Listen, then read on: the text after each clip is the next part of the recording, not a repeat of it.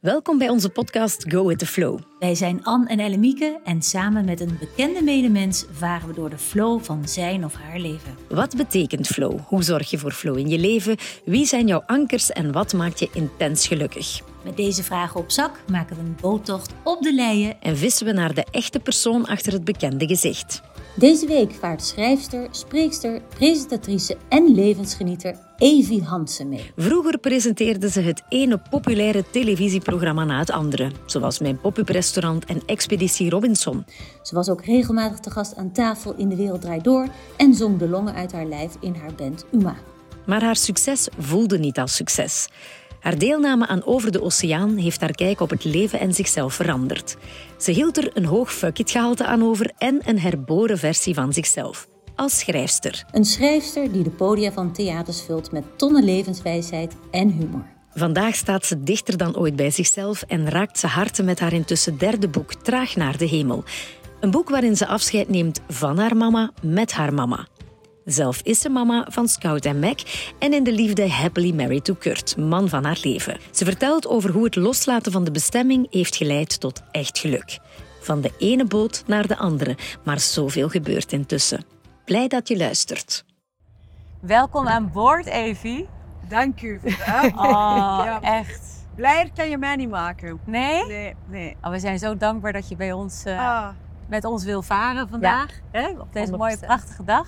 Fantastisch hè. Alleen zo'n Indian summer. Ja. Ik, ja. eh, ik reed naar hier en ik moest dan helemaal zo door de bossen rijden.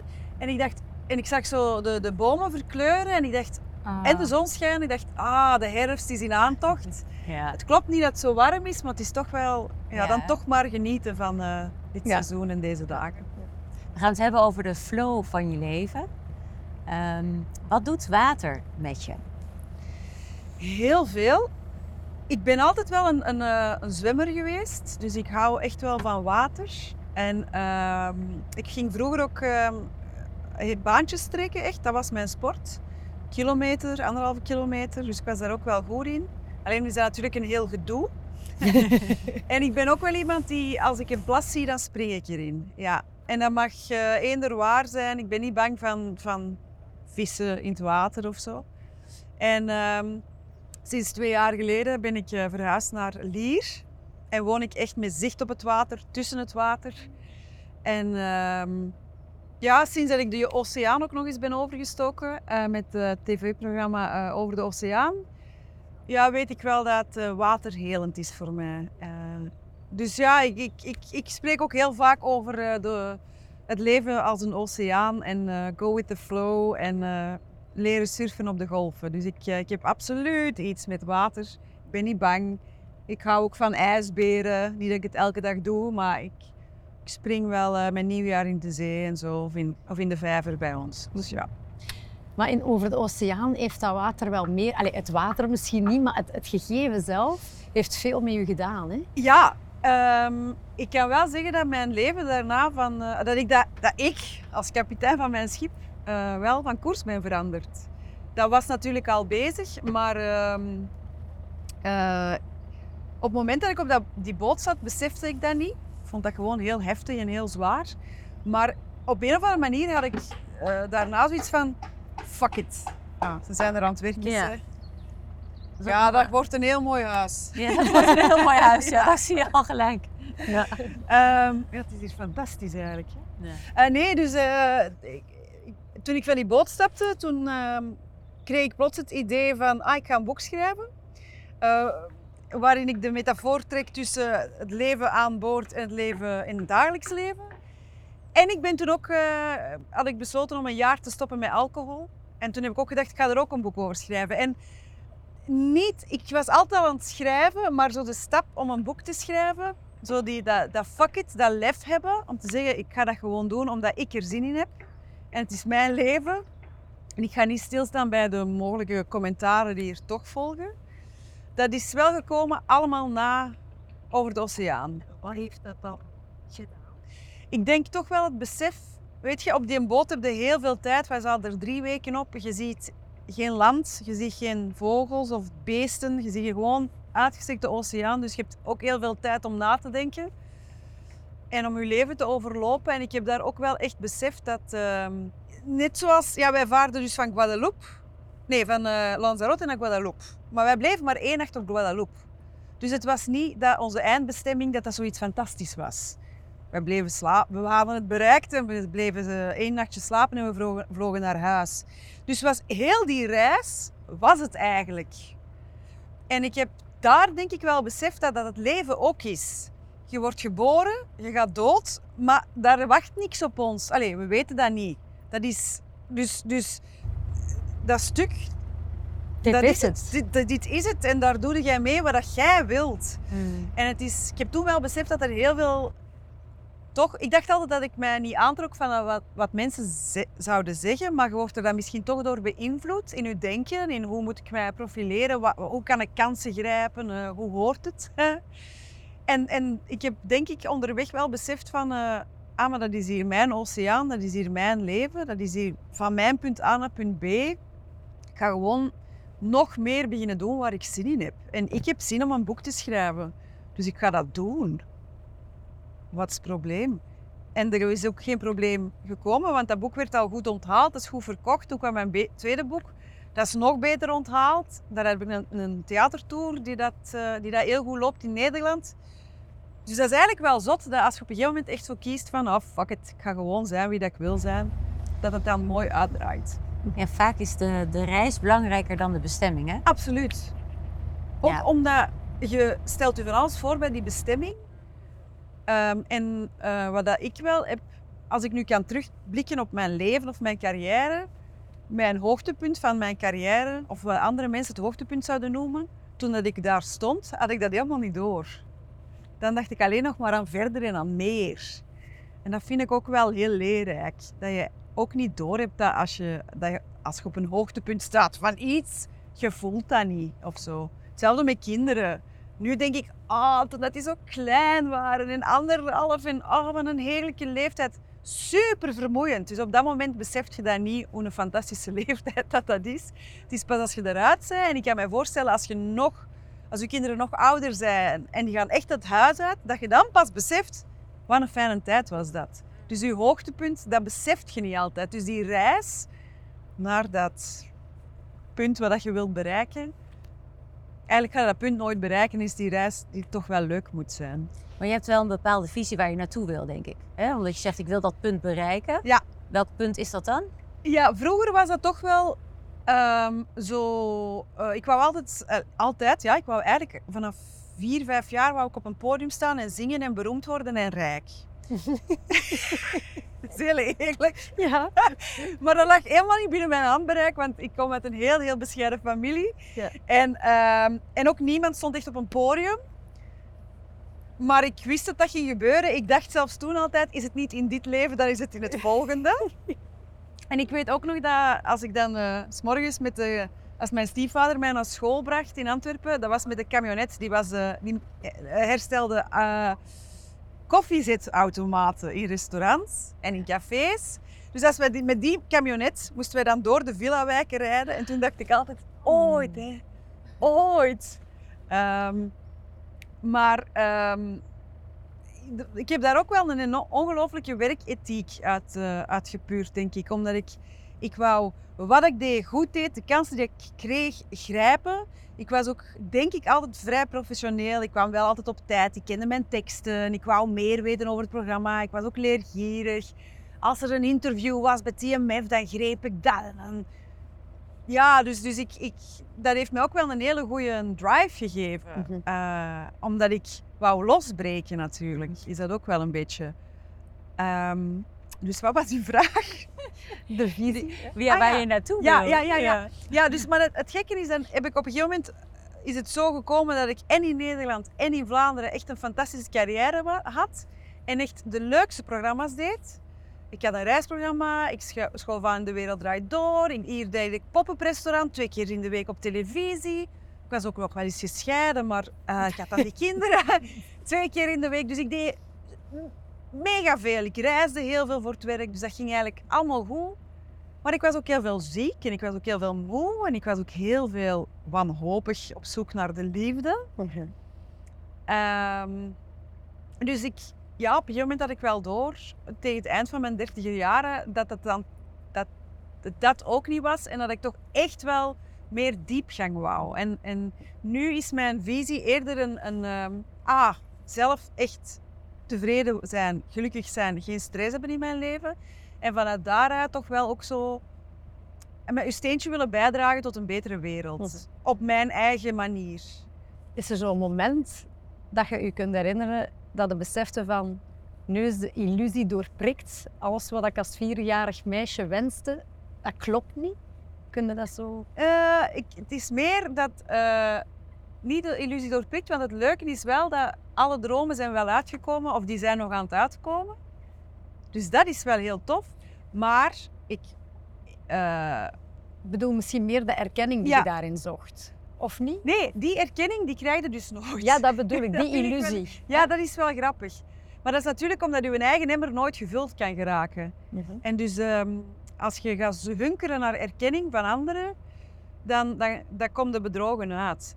En ik denk dat dat eigenlijk was van op je toppunt van je succes, wat dan andere mensen omschrijven als succes. Ja, als je dan denkt van ja, maar ik wil nog meer en nog meer. En, en ja, ik weet niet wanneer dat, punt daar is gekomen. En ik, ik denk niet dat ik zo echt dat exact moment nog kan herinneren van maar ik denk wel dat ik. Het moment dat ik meer voldoening wou halen met mijn werk. En dat ik ook wel dingen mocht doen bij VTM. Af en toe. eh, die, die, waar, ik, waar ik dat eind kwijt geraakte. Ehm, en dat dat ook echt positief werd onthaald. Maar dat was dan toch voor nu, Evie. En nu zitten we weer in dat hokje. Zij hadden een andere visie dan. Ja, tuurlijk, maar dat is ook, ook nog oké, want dat is een commerciële televisie. Bij jou bedoel ja, ik, hè? Ja, ja, ja, die hadden een andere visie met mij en dat is ook prima. Hè? Ehm, maar, maar dat ik toen besefte van, ah ja, nee, ik wil echt een andere richting op gaan. En het kan mij eigenlijk niet schelen of dat dat dan een groot publiek bereikt of niet. Ik, ik wil meer, meer voldoening halen uit wat ik doe. En dat was niet veel nog bekender worden. Dat was niet... Daar haalde ik dus mijn voldoening niet uit. Waar haal je wel je voldoening uit? Ehm, schrijven, heel hard. Ehm, creëren, ja. Dat, is, dat heb ik heel erg eh, gemerkt. En dat was ook... eh, ik heb dan ook een tijdje mijn radioprogramma gehad op Joe. Dat was ook in de fuck you periode. ja, nee, maar ik ga je, ik ga je iets voorstellen. En, en dat, dat werkte, dat sloeg aan, dat was tof, dat was nieuw ook. Eh, en, en, en, en dus dat was fijn. En, maar ook schrijven, creëren. Ehm, en ik moet plezier halen uit het proces zelf. Dus als ik een boek schrijf, dan ben ik, oh, ik doe dit zo graag. Met mijn theatervoorstelling was ik die in elkaar aan het stoppen. En toen besefte ik echt van, dit vind ik al leuk. En als ik het op dat moment al leuk vind, dan is het eigenlijk al voor de helft of zelfs meer geslaagd. Dus daar, dat is wel echt, ehm, ik haal vo- voldoening uit dingen creëren. En is er in dat proces nooit een moment dat je dan soms eens bang of angstig bent? Soms, maar zeer weinig. Ja. Mijn, man lacht daarmee dat ik zo, zo eh, zelfverzekerd ben. Maar dat komt omdat ik het graag doe. En omdat ik niet meer denk aan wat gaan de mensen ervan vinden op het einde. Nu, ik moet wel zeggen, dus eh, midden oktober komt mijn boek uit, eh, Traag naar de Hemel. eh, dat ik deels heb geschreven ook met mijn mama nog. Eh, toen ze net was overleden, ben ik in dat proces gestapt meteen en heb ik, ben ik beginnen schrijven. Dus eigenlijk een half jaar later ligt dat boek al in de winkels, dat is vrij snel. En dan nu denk ik wel soms van, wa- wat gaan de mensen eraan hebben? Of gaat dat, eh, is dat... Maar langs de andere kant denk ik, ja, ik heb het geschreven. Het is ook mijn verwerkingsproces geweest. Ik geef het uit handen. Ik voel dat dat mij enorm heeft geholpen. Dat is toch al één persoon op de wereld dat er mee geholpen is. En als het er dan wat meer zijn, is dat goed. Dus soms overvalt mij dat dan. Maar als ik bang heb tijdens een proces, dan is het misschien dat ik iets doe dat toch niet zo dicht bij mij ligt en dan, ligt en dan moet ik misschien stoppen. Als ik een project aanga en ik voel mij verliefd en ik ben er heel de dag mee bezig en ik, ik, ik, schrijf, ik, ik, zeg, ik neem dingen op in mijn dictafoon of ik schrijf erover en ik, Dat moet je energie geven. ja, het moet mij energie geven, ja. En dan, dan eh, ben ik goed bezig en dan, dan ben ik oprecht ook echt gelukkig. Ja. Is dat dan wel eens anders geweest? Tuurlijk, ja. Ja, ja compleet anders. Ehm, ik denk omdat ik, zoals zoveel mensen, ook wel verslaafd was aan stress. dat merk ik heel hard, hè. Dat, dat het moet Echt? druk zijn. Hè. En Zo- nu niet. Oh, hoe minder in mijn agenda, hoe beter. Ja. Op de boot, niet deze boot, Ja? maar dan over de oceaanboot. Heb je ook momenten gehad dat je een keer bang was soms? Ja. Ja. ja, dat was ook door slaaptekort. Mhm. Ehm, wij hadden op die boot hadden wij een, een, wisselsysteem met drie uur slapen, drie uur wakker, drie uur slapen, drie uur wakker. En ik had al van bij het begin gezegd van, ik, kan dat niet aan. Ik herinner dat nog, eh, toen mijn kindjes baby's waren, heb je dat ook. Daarom dat ik ook vrij snel ben gestopt met borstvoeding, omdat ik, ik, ik kan dat niet. Eh, ik, ik, dat put mij uit en bij mij is, als ik moe ben, dooft heel mijn vlammetje. Dan word ik ongelukkig, onzeker. Sommige mensen kunnen om en weinig slapen en hebben daar veel minder last van. Ik kan dat echt niet. Dus dat is echt iets belangrijk voor mij. En natuurlijk zat ik op die boot. En eh, ja, ik kon daar niet mee om. Ik sliep ook bijna niet. Ehm, en dus ik werd ook heel bang. Eh, het was ook wel een gevaarlijke situatie. En het was ook een niet... Het was, hoe moet ik zeggen? Het was niet ongevaarlijk, hè, die, die rit. En op een nacht word ik wakker. Allee, word ik wakker, lag ik dus wakker en hoorde ik dat dat schip... Allee, ik voelde dat dat schip heen en weer ging. En Otto Jan die mocht dan s'nachts sturen in de donkere. Dus in één keer had dat schip zo naar die kant. En ik hoorde, ik hoorde de kapitein zeggen... Ja, Otto Jan, als je schip zo hard helt... Dat wil zeggen dat je het niet onder controle hebt. Dus ik, heb, ik had zoiets met... Wat zijn we bezig, hè? Ehm, en toen was ik ook echt bang. En toen weet ik dat, dat er een van mijn... eh, Charlotte van der Meers, die kwam naar beneden en die kwam mij dan wakker maken. En die zegt, hé, wie gaat het? En ik hoorde echt zo... Ik ben bang. Maar ik, mijn stem klonk ook, klonk ook echt anders. Ehm, dat was echt... Ja, ik was echt bang, bang, bang. En ik ben helemaal geen bange. Ehm, ik vond dat heel heftig. Ik voelde mij... Ik ben ook tijdens die reis ont- ontzettend klein geworden. Langs de andere kant, en daar ben ik blij dat ik al zo ver stond, wist ik ook dat dat kwam grotendeels door het slaaptekort. Ik schreef toen ook in mijn dagboek van, ik voel mij klein en onzeker en ik heb het gevoel dat ik slecht in de groep lig en, en dat ik eh, geen leuk persoon ben. Maar gelukkig komt het omdat ik heel weinig slaap heb. Maar ja, het verandert, niet, het verandert niks aan hoe dat je voelt. Ehm, maar als je weet van waar het vandaan komt en je kunt dat opschrijven, dan nemen je emoties geen loopje met je. En dat, dat was wel belangrijk. En ik vond dat ook wel mooi, want als je, kunt, als je moogt floreren, dan mogen je ook kleiner worden. Er is geen goed of slecht. Ehm, open zijn en groot zijn en groeien en succes hebben, dat is niet beter dan kleiner worden en, en, en in jezelf keren en een beetje verdriet hebben.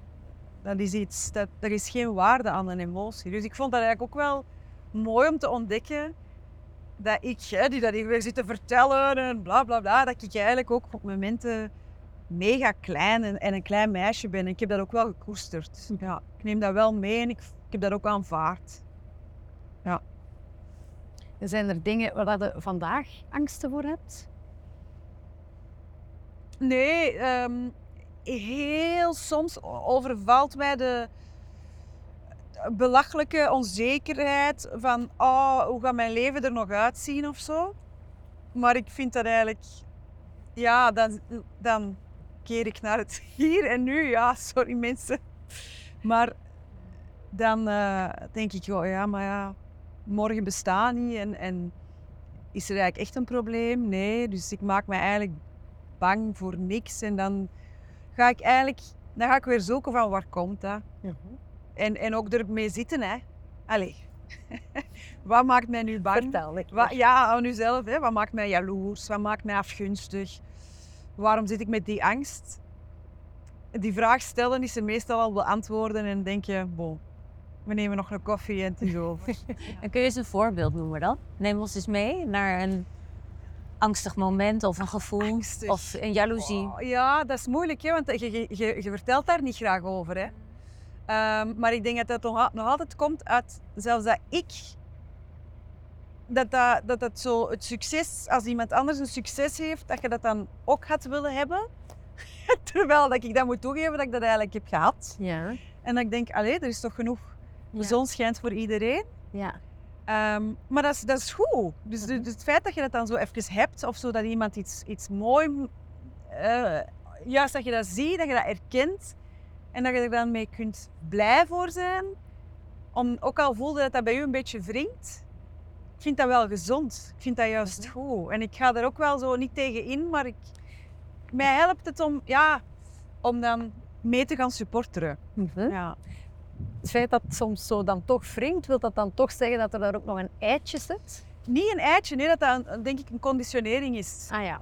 Want het is ook wel moeilijk, bijvoorbeeld als ik het... Ik probeer mijn agenda zo eh, rustig mogelijk te houden, dat ik veel kan schrijven, ik veel kan gaan wandelen, veel met mijn gezin bezig kan zijn, met mijn hond, met mezelf. Dat creativiteit vrij kan flowen.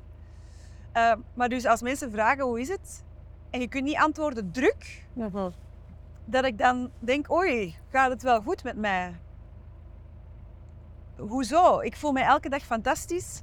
Dus, dat, dus eh, de ambitie die ik had als klein meisje om heel veel kansen te pakken en te grijpen, daar bewust voor te kiezen om dat niet meer te doen, waardoor dat er ook minder kansen komen, dat is zo. Dat je dan merkt van, oh, maar zelfs mijn hoofd zit nog in die prestatiedruk en in die succesdruk en in die kansen grijpen druk. Dus ja, dat is Herkenbaar. maar dat, dat is ook normaal als je dat van, je, van kleins af aan tot je 35, 38 hebt nagestreefd. En dat, dat zit nog in u. Mhm. Maar ehm, ja, hoe dat ik nu leef is eigenlijk wel dat ik het stiekem elke dag in mijn dagboek opschrijf. Eh, veel wandelen, veel bewegen, veel op het water zitten. Schrijven en creëren. En dat is wel het leven dat ik nu leid. Dus is dat heel zot dat je dan Ja. weer een, af- u stoort aan, aan iets dat eigenlijk niet uw wens was in de eerste plaats. Uw kindertijd, Evie. In welk nest zijn opgegroeid? Ik heel goed eigenlijk, denk ik. Ja, wel een beetje bijzonder. Eh, dus eh, ja, ik ben opgegroeid met alleen maar jongens. Als, dus ik had drie oudere broers, twee oudere stiefbroers. Dus ik was het jongste meisje. Ik woonde in Halle-Zoorsel. Echt een dorp, zoals dat een dorp hoort te zijn, zonder verkeerslichten. De drukke baan, we hadden een drukke baan. Dat was omdat er twee auto's zo konden kruisen. We hadden zelfs geen fietspaden, alleen maar cafés. Ehm, er staat nog altijd geen, geen pinautomaat. Je kunt nog altijd geen geld uit de muur halen. Het is al wel wat voller gebouwd en het is residen- residentiëler geworden. Ehm, maar ja, dat was echt ja, spelen op straat.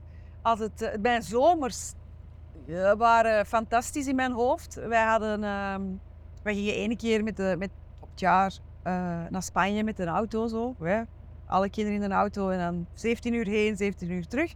Maar de rest van de zomer was bij ons in het dorp spelen. En het groot huis vuil kwam dan langs. Dus dan zitten alle mensen hun spullen die ze niet meer moesten gebruiken op de straat. Wij gingen dan die ophalen. En dan maakten wij er een winkeltje van een paar dagen later, waar de mensen dan eigenlijk hun oude rommel Terugkocht. terug konden kopen. Maar dat was zo leuk om te doen. Wij organiseerden een Tour de France in de straten van ons dorp.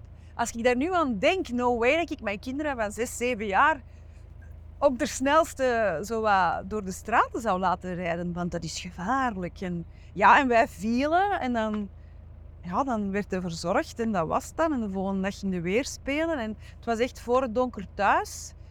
En dan riep ons mama zo, kom eten! En dan denk ik dat alle kinderen zo wat bij elkaar gingen eten. Dat was echt een hele toffe tijd. Ehm, een beetje, wat wel apart was, mijn mama en mijn, mijn, mijn, mijn ouders zijn gescheiden. En dat was bij mij in het dorp echt not done. En mijn mama had dan ook nog eens een relatie met, eh, een, met de papa, die daar ook trainer was van mijn broers, hun voetbalploeg. dat was not done. En hoe Echt voel- not done. Ja. En hoe voelde jij je daar dan bij als kind? Hoe oud was je toen? Oké, officieel of niet officieel. Want mijn ouders, allee, dus mijn mama en mijn stiefvaders, Ja. eh, die zijn dan nog 40 jaar samengebleven. Dus dat was een super goede match. Die, ehm, ik denk dat die zoiets begonnen toen dat ik 5, 6 jaar was. Maar was, Mensen kwamen ermee naar buiten, tien jaar later. nee, nee, nee, nee, nee. Twee jaar later of zo. Ja, ja, ja. Maar jij voelde waarschijnlijk Ah, wel. ik wist dat, ik wist dat. Ah, je wist dat. Ja, ja, ja. Oh, dus, en, en moest je dat dan geheim houden voor je eigen papa? Nee, want mijn papa was niet zo'n, was een heel lieve man, maar die was niet echt aanwezig. Of toch niet voor mij. Dat was een echte papa van de jaren tachtig. Ik zag die dan 's morgens met zijn baard, hè, in pak. En zo'n ba- ja, ja, ja, en zijn das zo. Die kon dat zo, als hij van een trap liep, kon hij een das strikken. Die ging dan naar de bank werken en die kwam dan terug. En dan had mijn mama denk ik gekookt. En dan deden die wel samen een afwas. En, en die was er wel, maar die was emotioneel was hij daar niet meteen voor mij. Ik denk wel voor de jongens. Dus, dus dat huwelijk tussen mijn mama en mijn papa, dat was nooit ruzie. Maar je voelde wel... Allee, er was ook geen affectie of zo. Dus... ehm, en ik denk dat ik dat met mijn mama wel heb gevoeld. Dat toen dat die staf leerde kennen, dat hij wel die affectie vond. En dat ik dus eigenlijk wel dat goedkeurde. Ja. Dus nee, en ook eh, toen dat mijn papa er dan wel achter kwam, dat was ook nog begin jaren 80, kwamen ze uit de jaren 70, waar dat heel veel koppels in experimenteerden met, eh, met open relaties en zo. Hè? Of zo. Dat... En, en dus in die, in die, denk ik, mindset, denk ik dat mijn ouders ook nog wel even geprobeerd hebben om het zo ja, open te Open, houden. ja. Ja, Met drie aan tafel. ja, zo, zoiets, zoiets. Mijn mama, mijn papa en de staf hebben, staf is mijn stiefvader, nooit ook ruzie gemaakt. Die kenden elkaar van te supporteren ah, voor hunzelfde zonen. Ja. Mijn stiefbroer staat bij mijn broers in de, in de klas. Dus eh, ja, Maar je, je zei daarnet van ja, herkenbaar. In, Ja. die, in die periode, daar werd wel over gebabbeld. Dus, ja, jij wel. daar dan Ja, dat was bij? wel apart. Ja. Maar vooral niet omdat ik mij er zelf zeg, dat is hier nooit. Je komt hier nooit, hè, natuurlijk. Eh, ik, dat was wel apart omdat ik wel merkte dat mijn mama daardoor de buur, buren wel een beetje werd op afgerekend. Omdat het dan leek alsof dat zij een ander huwelijk stuk maakte. Door met de staf te gaan. En dat mijn vader dan het slachtoffer was of zo. En dat, ja, in werkelijkheid ligt dat natuurlijk niet zo zwart-wit. Maar in een begin jaren tachtig in een katholiek dorp in de Kempen wel. Ehm, en zeker omdat mijn mama ook zo, zo openlijk erover was. En dat, die, oh, dat kon die haar weinig schelen. Maar ik merkte bijvoorbeeld wel dat dan vriendjes kwamen vragen of dat de, of dat, eh, de staf nu bij ons inwoonde. Terwijl, allee, dat waren zo van die vragen dat je voelde dat de mama had gevraagd aan het kindje, dat het kindje aan Evie moest vragen. Ja. Of nieuwjaarsbrieven, weet ik ook nog, zat ik in het vijfde leerjaar. En ik had een brief geschreven aan liefste papa. En dan zei mijn leraar, moet je daar niet bijschrijven, liefste papa Jan. Ja. Nu lijkt u dat ondenkbaar. ja. Eh, maar zo die kleine dingen, dat ik merkte dat ons gezin wel iets anders was. Maar er was bij ons geen drama. Ik heb nooit drama meegemaakt. Ehm, eh, dus dus eh, als mijn mama dan naar de staf ging, die had een appartement in Antwerpen, dan kwam mijn papa babysitten. En ehm, ja, als mijn papa dan naar zijn vriendin ging of zo, dan... Ja, dus nee. En ik weet ook nog heel goed het moment dat mijn papa verhuisde. En dan stond ja, dan hebben alle kinderen zo ook mee het de inboedel verdeeld. En dan stond de trap zo vol met allemaal spullen die papa ging meenemen. En dan stond de andere helft van de trap vol met spullen die de staf in huis kwam brengen. Dus voor mij, voor mijn broers is dat misschien anders geweest. Hè? Maar voor mij was dat een heel natuurlijk gegeven. En ehm, ik heb ook in mijn hoofd heb ik heel zeldzame herinneringen dat mijn mama en mijn papa is, dat ik die heb zien kussen. Terwijl dat de liefde tussen mijn mama en mijn stiefvader van begin veel groter was en, en heel duidelijk echt een koppel dat elkaar had gevonden. Dus ik, ik heb ook niet het gevoel dat mijn ouders gescheiden zijn, omdat mijn mama en mijn stiefvader zijn uiteindelijk 40 jaar samen geweest. Hoe heeft dat u beïnvloed later in, eh, in uw eigen liefdesstrategie? Ja, ik, ik denk wel dat dat heeft geholpen om ehm, de band met de papa van mijn kinderen zo goed mogelijk te houden als mogelijk is. Want dat is natuurlijk, je met twee, hè. Ehm, maar ik heb natuurlijk gezien dat een scheiding niet traumatisch hoeft te zijn. En ik heb ook gezien dat eh, een, een papa en een stiefvader, dat die best nog door één deur kunnen dat die eh, dat niet persoonlijk, dat dat geen vijandschap hoeft te zijn.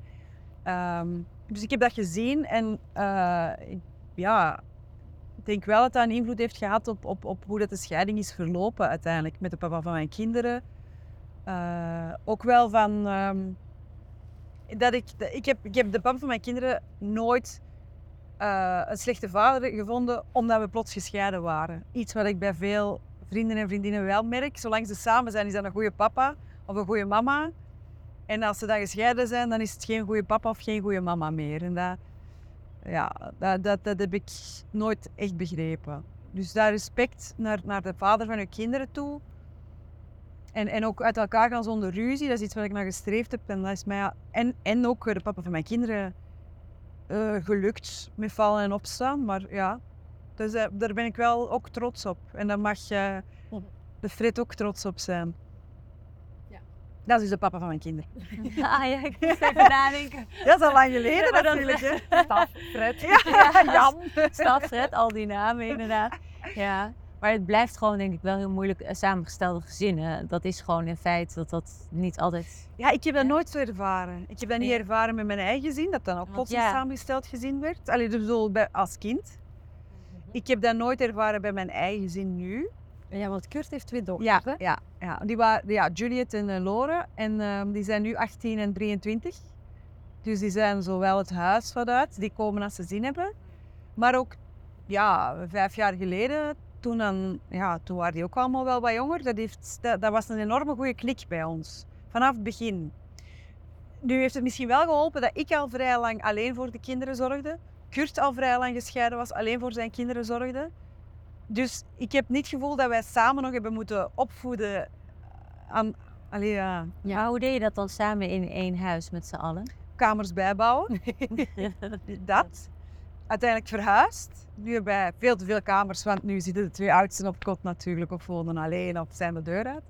Maar ehm, ja, dat ging vrijwel. He- dat, wa- dat was meteen een klik ook. Maar ik heb twee jongens, hij heeft twee meisjes. En daar zit eigenlijk zo vijf, zes jaar tussen. Waardoor dat toen de jongens en de meisjes elkaar tegenkwamen, de meisjes de jongens schattig vonden. En de jongens heel hard hun best deden om goed te staan bij de meisjes. Plus, als wij op vakantie gingen samen, dan gingen de jongens voetballen op het strand. En gingen de meisjes selfies maken van elkaar op het strand. En was daar geen concurrentie of zo. Ehm, en, en nu merk ik, eh, en dat is weer op een ander niveau, bijvoorbeeld dat mijn zoon wordt nu, eh, mijn oudste zoon Scout wordt 15, dat 15 en 18 is plots, min, allee, eh, Juliet zei onlangs, oh, ik kan nu gewoon met Scout babbelen. Ja, Straks worden ze verliefd. dat denk ik niet. Want het zou- ja, ja, ja, dat zou allemaal kunnen, hè? maar dat denk ik niet. Zou kunnen, zien we wel. Maar wat planten jij hier nu? Ja, maar dat is ook een geval. Jij denkt dat, ja? Nee, Ja. ik bedoel, maar het kan allemaal. Dat kan allemaal. Maar het is wel mooi dat zowel die meisjes als die jongens veel sneller dan dat ik zou zeggen, plus dochters, meteen over elkaar spraken als broers en zussen. Ja, dat is wel heel mooi. En, eh, dus dat, dat gaat bij ons heel goed. Dus ik kan ook, ik kan er alleen maar, wij, wij, wij kunnen daar niks over zeggen. Ehm, maar ik ga bijvoorbeeld nog apart af en toe met mijn jongens op weekend of op vakantie. Kurt doet dat met zijn dochters. Maar het liefste, we gaan nu met z'n allen ehm, naar IJsland hopelijk in de paasvakantie. Het liefste gaan de kinderen met ons allemaal op vakantie. Het, leuk, het leukste, we hebben dat de kinderen gevraagd, wat vind je het leukste om te doen? Die zeggen samen eten, samen ontbijten, samen op het restaurant. Dus met ons zessen. Dus dat is, wij zijn echt gezegend. Dat is echt heel, heel tof. Ja. ja. Wie zijn de ankers in je leven? De ouders in mijn leven. De ankers. Ah, de ankers. Ja. Ehm, sowieso mijn kinderen. En daar moet ik voor oppassen, omdat ehm, ik die ook ga moeten loslaten. Die zijn in mijn bezit. Dat vind ik eh, nu al eh, spannend, maar ik ben er al wel mee bezig. Ja, Je zet er gewoon bewust. ja het, het voordeel, zie ik zeg altijd het voordeel is, maar het is ook een nadeel. Maar het voordeel is dat ik natuurlijk, ik ben gescheiden toen mijn kinderen één jaar waren en die moest, en die moest nou drie worden. Hè? Dus ik heb mijn kinderen van. En we hebben eigenlijk vrijwel meteen week om week gedaan. Dus ik heb mijn kinderen al moeten vertrouwen aan iemand, aan papa. Allee, ik heb echt mijn kinderen heel snel, maar week om week gezien. Dus dat loslaten heb ik heel snel moeten doen. Dat gevoel heb ik niet helemaal, maar ik heb dat ook wel eens tegen mijn kinderen gezegd. Soms denk ik wel dat ik de helft van mijn leven heb. soms heb ik het gevoel dat ik de helft van het leven van mijn kinderen heb gemist. Maar mijn kinderen zeggen dan, maar nee, mama. En dan ben ik zo blij, omdat zij leven natuurlijk hun vol leven. Maar dat besef ik wel. Ehm, ehm, ja, dat is jammer. Maar die, het, het, het andere, namelijk gewoon bij de papa blijven, omdat ik dan he- hen volledig zou meemaken, was ook geen optie. was ook echt niet goed geweest. Dus ik denk, ehm, dat is wel iets wat ik mij dan kan neerleggen, dat dat wel echt voor alle partijen de allerbeste keuze was. En het helpt natuurlijk ook wel als ik merk hoe dat mijn kinderen groot zijn geworden en hoe dat zij nu zelf eh, van het papahuis naar het mamahuis gaan als ze daar zin in hebben. En ehm, het helpt ook wel dat ik ook gewoon moet toegeven dat ik ook wel daardoor een heel ehm, eh, gebalanceerd of een, of hoe moet ik zeggen, ja, ik heb ook wel een leven kunnen uitbouwen voor mezelf waar ik en hard heb kunnen werken en volle bak heb kunnen moederen. Ik heb ook altijd wel zo in de week dat ik kinderen niet had, was het echt. Zat ik in Nederland, eh, twee, ja, in twee landen carrière te maken. En als ik thuis was, was ik ook echt thuis en kon iedereen op zijn kop gaan staan. Maar dan was ik daar echt voor de kinderen, stond ik aan de schoolpoort. 90% van de tijd. Natuurlijk, hè, het leven is leven, lukt dat niet altijd. Maar dus, dus ja, ja dat, ik moet dat ook gewoon toegeven dat het, hoe het nu is gelopen, dat dat voor mij wel goed aanvoelt. En ik ben heel blij voor de kinderen ook. Maar dus om, om, om afscheid te nemen van uw kinderen of los te laten of uw ankers. Ik heb dat van jongs af aan moeten leren. Maar, maar langs de andere kant denk ik, oh, het is al voorbij. het is al heel snel voorbij. Ja. Maar ik ben me er wel van bewust, ik ga ze ook niet vasthouden. En mijn kinderen zijn wel, eh, ja, mijn ankers. Daarvoor moest ik misschien ook altijd uit dat hectische leven terugkomen. Hè? Uit die zogenaamde successen en hoogtepunten was dat wel mijn basis. Terug naar huis, terug mijn anker. Eh, ook, maar ik denk dat mijn moeder mij ook wel heeft opgevoed in die zin van eh, ik ben er altijd voor u, maar je moet niet altijd naar mij komen. Eh, dat vind ik wel heel gezond. Zo van, en dus mijn mama kon zeker een anker zijn, maar ik vind dat je als kind wel het gevoel moet hebben dat je, dat, dat niet je, je anker hoeft te zijn. Ja. Dus, dus jij kunt je wel de basis zijn voor je kinderen, dat moet als ze jong zijn. Maar eigenlijk als je het goed doet, dan laten je kinderen nu los. En dan gaan die op wereldreis. En dan bellen die niet, want die stellen het goed. Ja. Eh, en dan komen die wel eens terug naar u en dan zijn die heel blij en zo. Maar... Dus dat heeft mijn mama mij ook wel gegeven. Dus mijn mama was wel een ankerpunt, maar in die zin dat ik die wel mocht en kon loslaten. En dat ik die nu ook heel makkelijk eigenlijk kan loslaten, nu ze overleden is. Ja, hoe, hoe ankert zij vandaag nog in uw leven? Ook al is ze er fysiek niet.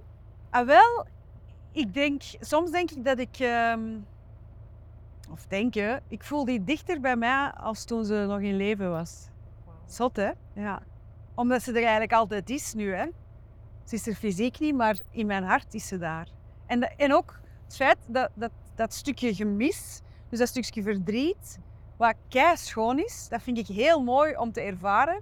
Mooi verdriet hebben om iets, zo'n diamantje in je hart dat kan nooit gestolen worden. Dat gaat er altijd zijn. Wat er ook gebeurt in mijn leven, mijn moeder is, zit ja, zie letterlijk hier en dat, ik vind dat eigenlijk ook een, geruststelling.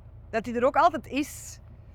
Als ik tegen mijn moeder babbel, dan ik moet, ik begin nooit met, met van, goh, vandaag bla bla bla. Of dat zou ze leuk gevonden hebben. Ik denk altijd, ah, dat vindt hij leuk. Of eh, ja, in het begin had ik zo van, ja, als ik iets moois zag, een foto dat ik dan aan mijn moeder wou sturen, dan denk ik, ah, dat gaat niet meer. En dan dacht ik, ah ja, maar Ze ziet het gewoon. ze zien het, ze is erbij. Ze is erbij. Ja. Ja, ja, dat, dat, Ja. dat. Ja, Dat is echt wel ja. een goede manier. En, ja, en dan deze morgen, dat ik, eh, voor ik naar hier kwam, nog eh, ging wandelen, zag ik twee zwanen overvliegen.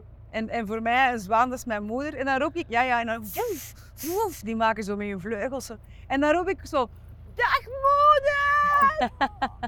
ik kan me niet En dan schelen. zo'n stroom op je kop. Ja, ja, zoiets of zo. Wat ze zeggen, yes. Ja, ja, ja, ja. Of, of, ja, ja. Of ik was onlangs in de bergen in Colombia en ik riep echt zo, dag mama! Want ik dacht, ja, als ze het nu niet hoort, ik ben zo dicht bij de hemel. Ja, dus dat is heel gek. Maar ik heb daar ook wel echt ehm, voor gekozen om, om in die rouw te gaan staan, om in dat verdriet te gaan staan, om de dag dat ze over, om A, er ook echt bij te zijn, de laatste maanden dat ze, ik was aan het aftakelen thuis.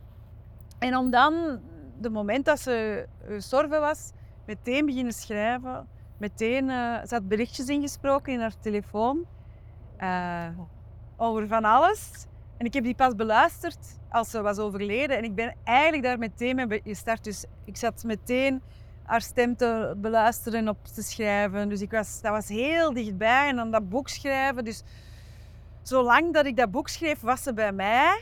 En dan was dat boek afgerond. Dus dan moest ik... Ah, het voorwoord, het allerlaatste, wist ik van nu laat ik ze los. Maar ik, ja, ik heb heel veel gehuild. Ik heb ook echt bewust een tijd genomen om te rouwen. Ik heb ook echt, ik kon dat ook. Allee, financieel kon ik ook echt zeggen van ik, ik schuif dit project opzij, ik schuif dat project opzij. Ik ga echt puur alleen het hoogst nodige doen wat ik financieel toch wel nodig heb. Want het is een dure wereld. En, en, en, uh, maar, maar echt te kiezen om, om te rouwen, om dat te schrijven, om daarover te babbelen, om over mijn moeder na te denken, om haar tegen te komen op, in een zwaan. Uh, ik, heb daar echt, ik heb daar echt tijd voor genomen. Ik ben daar heel, heel blij voor, want ik denk dat dat ook de reden is waarom dat ik hier nu amper een half jaar nadat is overleden ook daar zo vol en vol liefde over kan babbelen. Um, nu je dat zo uh, ja, van dichtbij hebt meegemaakt met je moeder, hè? Um, je hebt daar bewust voor gekozen om het te delen. Ja.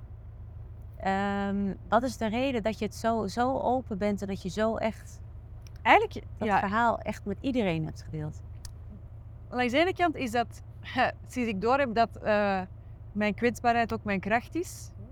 En dat iedereen hetzelfde is. Iedereen maakt hetzelfde mee in zijn leven. De accenten liggen iets anders, maar eigenlijk voelen we allemaal hetzelfde. Dat heb ik al een tijdje door.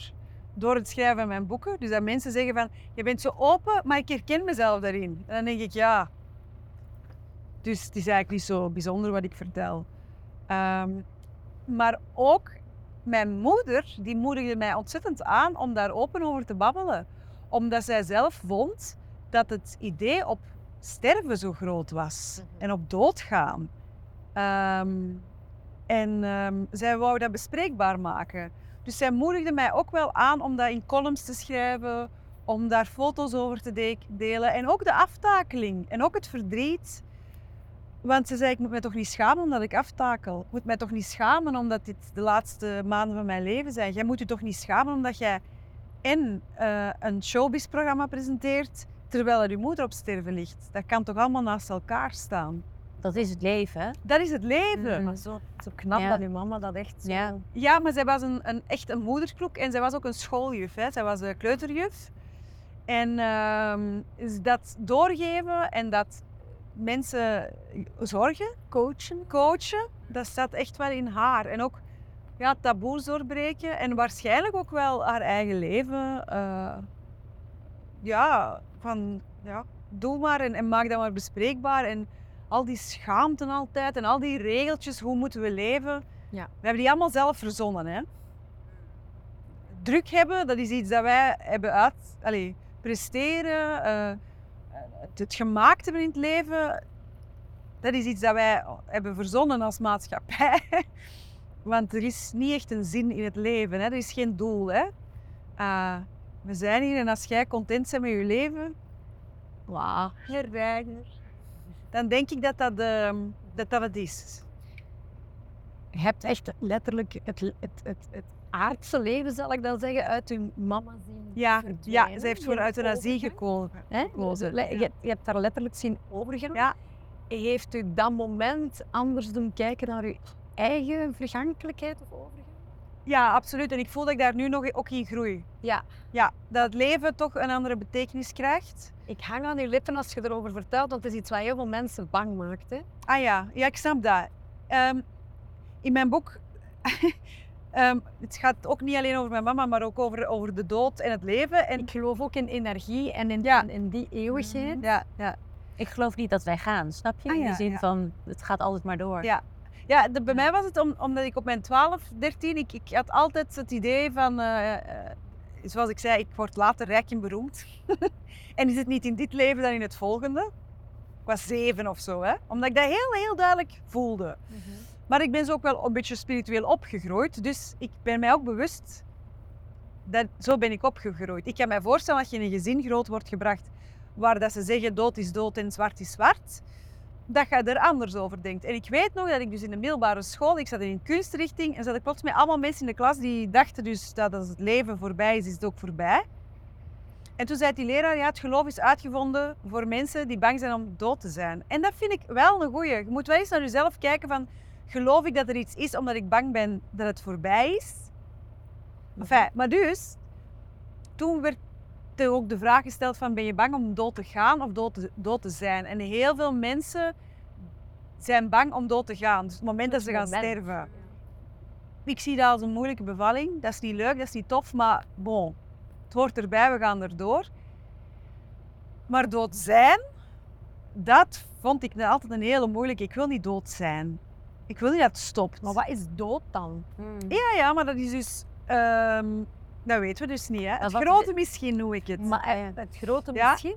En heb je daar toch iets in, in de tocht van uw mama on- Nee, gezien of ontdekt of Nee. gevoeld? nee, nee, ja, ja en nee.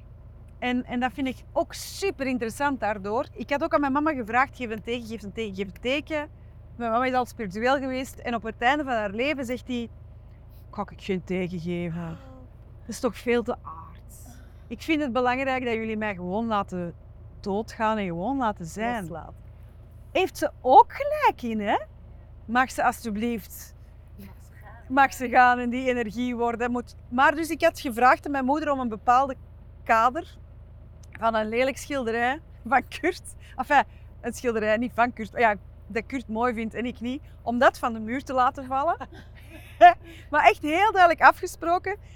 Nee, dat is niet van de muur gevallen, maar wel mijn schilderij. Dat Kurt lelijk vindt, dat is eraf gevallen. Dat is toch echt uw moeder dan? Ja, dat is humor hebben. Ja, Ah, inderdaad. ja, dat zij is- met haar een andere Ja. kijk. Zij die Ja. Ja. coachen. Zij die Ja. wilt tonen Ja. van eventje. Ja. Ik ga je wel een keer liggen dan. Ja, en trouwens, in de hele familie zijn er allemaal eh, kaders van de muren gevallen, behalve eh, mijn specifieke kader. Wauw. Ja. So. Ja, ja. Ja. ook Ja. langs de andere kant denk ik, dat is ook wel, als je dat wilt geloven, is dat mooi. Ehm, de eerste dagen, dat is misschien wel bijzonder, de eerste, de dag dat ze was gestorven, de dag daarna, ging ik wandelen en heb ik ingesproken op mijn dictafoon, dat staat niet mijn boek. Wauw, fantastisch. Wauw, mama, amai, als dit eh, sterven is, dan is het wel fantastisch. Ik was euforisch. Ik was blij. Ik, en ik heb toen gezegd, en ik mag nooit meer twijfelen dat er niks is na de dood, want nu voel ik het zo sterk. Ik ben heel blij dat ik dat heb opgenomen, want nu zijn we zoveel maanden later en ervaar ik het toch anders. Maar bon, ik heb het toen ingesproken, dus dat was wel iets... Dat is goed dat ik dat moment heb bewaard. Ja, nu denk ik gewoon van... Eigenlijk doet het er niet toe hoor, of dat er nog iets is na de dood of niks is na de dood. Het is hoe dat je nu in je leven omgaat met het leven en de dood. Wat ik wel ongelooflijk vind, en dat, zo had ik er nog niet over nagedacht, en dat kan je denk ik pas als je iemand van dichtbij hebt verloren of je hebt verdriet meegemaakt of je hebt afscheid moeten nemen. Wat ik wel besef is dat ehm, energie is energie. Dus mijn mama die was hier en die is er nu niet meer, maar dat is een beetje zoals eh, water. Dat kan, is water, dat wordt een ijsblokje, de zon schijnt, het wordt water, het verdampt, het wordt terug regen. Maar dat water blijft wel water. En, en, en wat ik nu wel merk is dat de energie van mijn moeder, die blijft wel echt hangen. En is dat in de manier hoe ik praat nu? Is dat hoe mijn kinderen ehm, misschien ooit gaan opruimen? Is dat in de berichtjes die ik krijg van collega's van mijn mama van vroeger? Ehm, de, de, de herinneringen die blijven. En dan denk ik, dat, dat ik, daar was ik mij niet van bewust.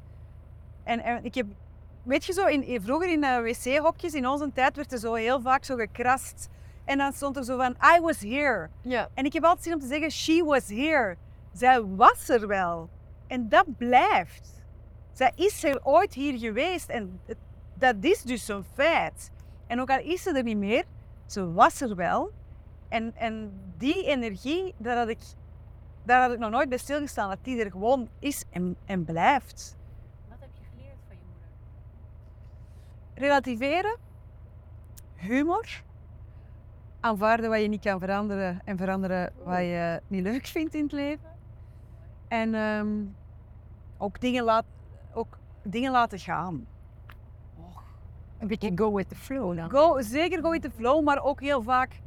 Ja, die regeltjes dat mijn mama ook... Allee, geen regels hebben. Doe waar je zelf goed bij voelt. U niet aantrekken wat dat mensen zeggen. Eh, ga maar eens... eh, Schopt waar rond u heen.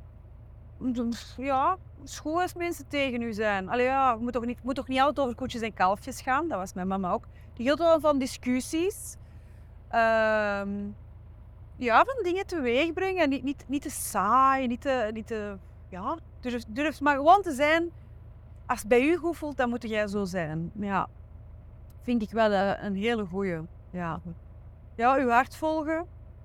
Ja, Je bent je hart gevolgd. hè? absoluut. En het is thuisgekomen. hè? Ah, bij de kust. Ja, dat is ook heel leuk. Ehm, ik heb een afscheidsbrief geschreven aan mijn moeder. Hoe fantastisch is dat? Ik heb die dus nog kunnen geven terwijl ze nog leefde. En zij heeft er ook nog op kunnen antwoorden. En dat was zo een maand of zo voordat ze stierf. Dus dat was echt zo... Dat is goed, want alles wat erna kwam, alles was gezegd. Dus alles was dan nog goed. En toen heb ik ook geschreven dat ik zo blij ben dat zij nog heeft meegemaakt dat Kurt in mijn leven was en wij nog zijn getrouwd.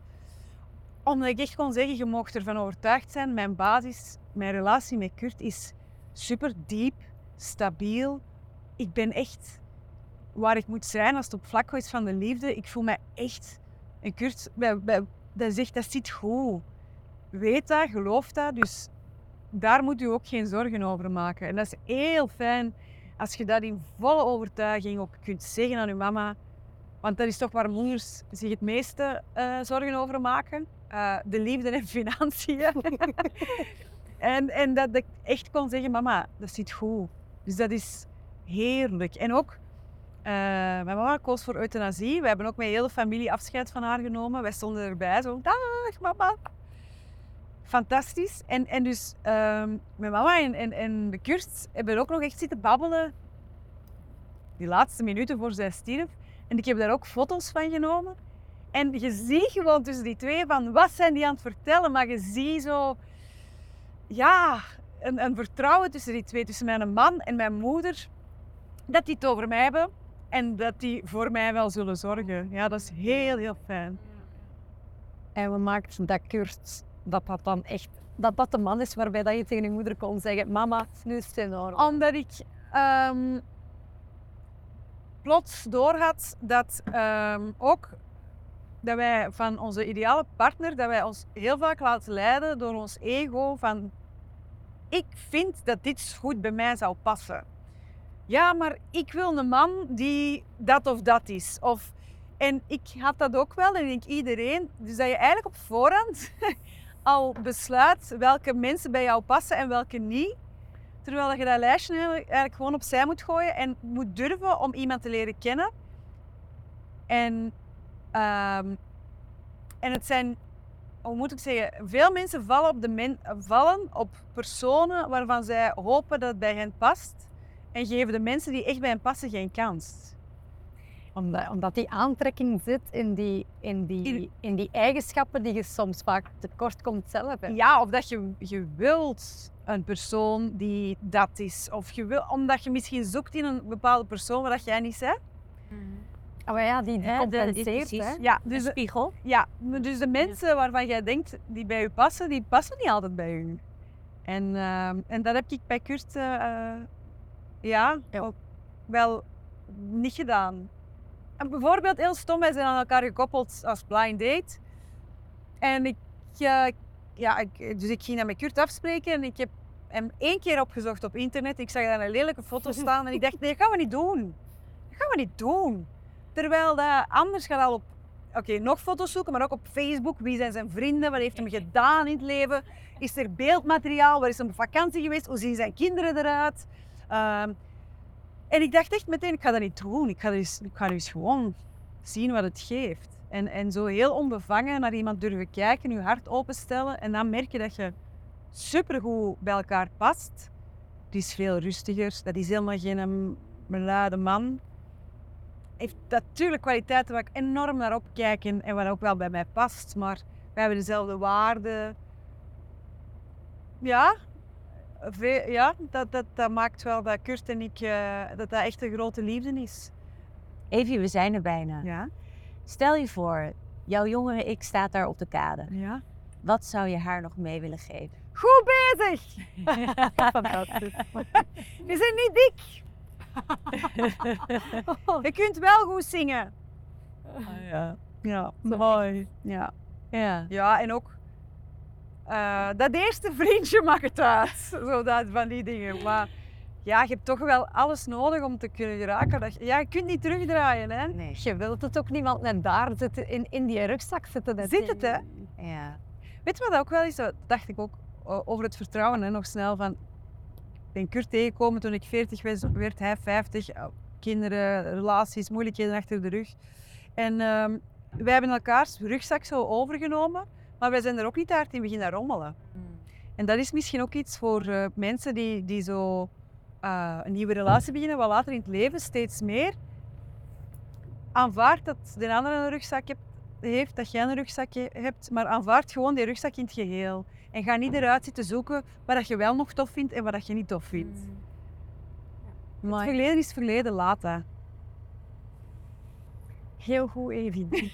Ja, dankjewel. Heel tof om, om, om je kunt het zo benoemen en bewoorden. Hier maar al. In een gouden envelop. ja, maar het is een gouden envelop. Ja. Maar zo lief. Was op, ja. Dat is het niet eerst. Ah, ja. Goed kijken. Ja, nee, dat, is, nee, nee dat, is, dat zijn gewoon twee kaartjes van nog negen minuten waar Ah, een ja, ja, meditatie ja. op staat. Dus gewoon, dat Ah. ligt iets voor jullie. En, eh, en twee steentjes. Je kunt Oh, zo. kiezen welke dat je wil. Ja, dat is Oh. klein, maar ik wou dat absoluut doen. Dus je Oh, kunt ze dat is verdelen. Lieve Evie, jij bent echt een topmadam. Dat wist ik natuurlijk al, maar werd nog maar eens duidelijk tijdens deze boottocht. Hoe jij hindernissen ombuigt tot trampolines die een ideale springplank zijn naar een betere versie van jezelf, vind ik echt super inspirerend. Met een open vizier, maar toch de twee voetjes stevig op de grond. Zo heb ik het graag. Ik heb immens genoten van je eerlijke en verfrissende kijk op het leven en de dood. Ik wens je nog heel veel mooie mammazwanen toe die jouw bijna lege nest vullen. Ik wens je prachtige reizen in jezelf en buiten jezelf. Maar ik wens je vooral een rustige agenda, zodat je in alle rust kunt genieten van het mooie leven. Liefs Anne en Mieke.